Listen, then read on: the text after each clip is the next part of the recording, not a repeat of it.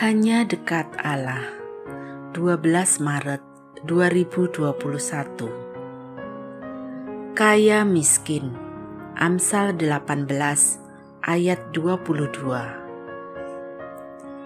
Orang miskin berbicara dengan memohon-mohon, tetapi orang kaya menjawab dengan kasar. Amsal ini memperlihatkan kecenderungan tabiat seseorang Tentu tak semua orang miskin berbicara dengan nada memohon. Juga tak semua orang kaya bicara kasar.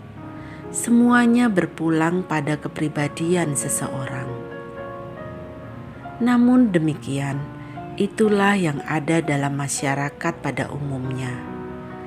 Harta milik ternyata berpengaruh dalam gaya bicara seseorang Kemiskinan kadang membuat orang tak lagi punya rasa percaya diri, sedangkan kekayaan bisa menjadikan orang terlalu percaya diri, sehingga malah bicara kasar terhadap orang lain. Dalam Alkitab Bahasa Indonesia masa kini tertera, orang miskin memohon dengan sopan, orang kaya menjawab dengan bentakan. Kelihatannya Amsal ini juga hendak mengingatkan bahwa setiap orang, entah kaya, entah miskin, semestinya bicara sopan kepada siapa pun juga. Kita juga tak perlu mengubah nada dan sikap bicara kepada orang lain. Bagaimanapun, semua orang sama, sama-sama diciptakan dan dikasihi Allah. Sejatinya, sikap terhadap orang lain memang tidak ditentukan siapakah orang lain itu di mata kita, tetapi siapakah kita dalam pandangan diri kita sendiri. Jati diri kitalah yang menentukannya. Bukankah kita punya peribahasa?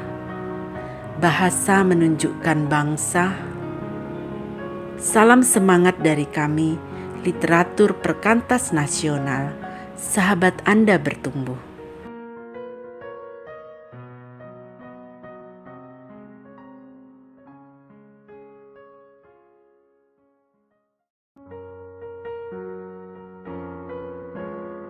Hanya dekat Allah.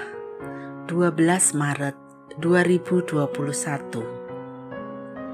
Kaya miskin Amsal 18 ayat 22 Orang miskin berbicara dengan memohon-mohon, tetapi orang kaya menjawab dengan kasar. Amsal ini memperlihatkan kecenderungan tabiat seseorang. Tentu tak semua orang miskin berbicara dengan nada memohon. Juga tak semua orang kaya bicara kasar semuanya berpulang pada kepribadian seseorang. Namun demikian, itulah yang ada dalam masyarakat pada umumnya. Harta milik ternyata berpengaruh dalam gaya bicara seseorang.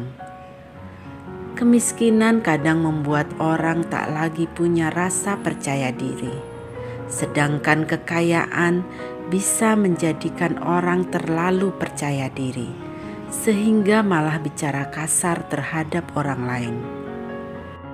Dalam Alkitab Bahasa Indonesia masa kini tertera, orang miskin memohon dengan sopan, orang kaya menjawab dengan bentakan. Kelihatannya Amsal ini juga hendak mengingatkan bahwa setiap orang, entah kaya, entah miskin, semestinya bicara sopan kepada siapa pun juga. Kita juga tak perlu mengubah nada dan sikap bicara kepada orang lain. Bagaimanapun, semua orang sama, sama-sama diciptakan dan dikasihi Allah. Sejatinya, sikap terhadap orang lain memang tidak ditentukan siapakah orang lain itu di mata kita, tetapi siapakah kita dalam pandangan diri kita sendiri. Jati diri kitalah yang menentukannya. Bukankah kita punya peribahasa? Bahasa menunjukkan bangsa. Salam semangat dari kami, literatur perkantas nasional.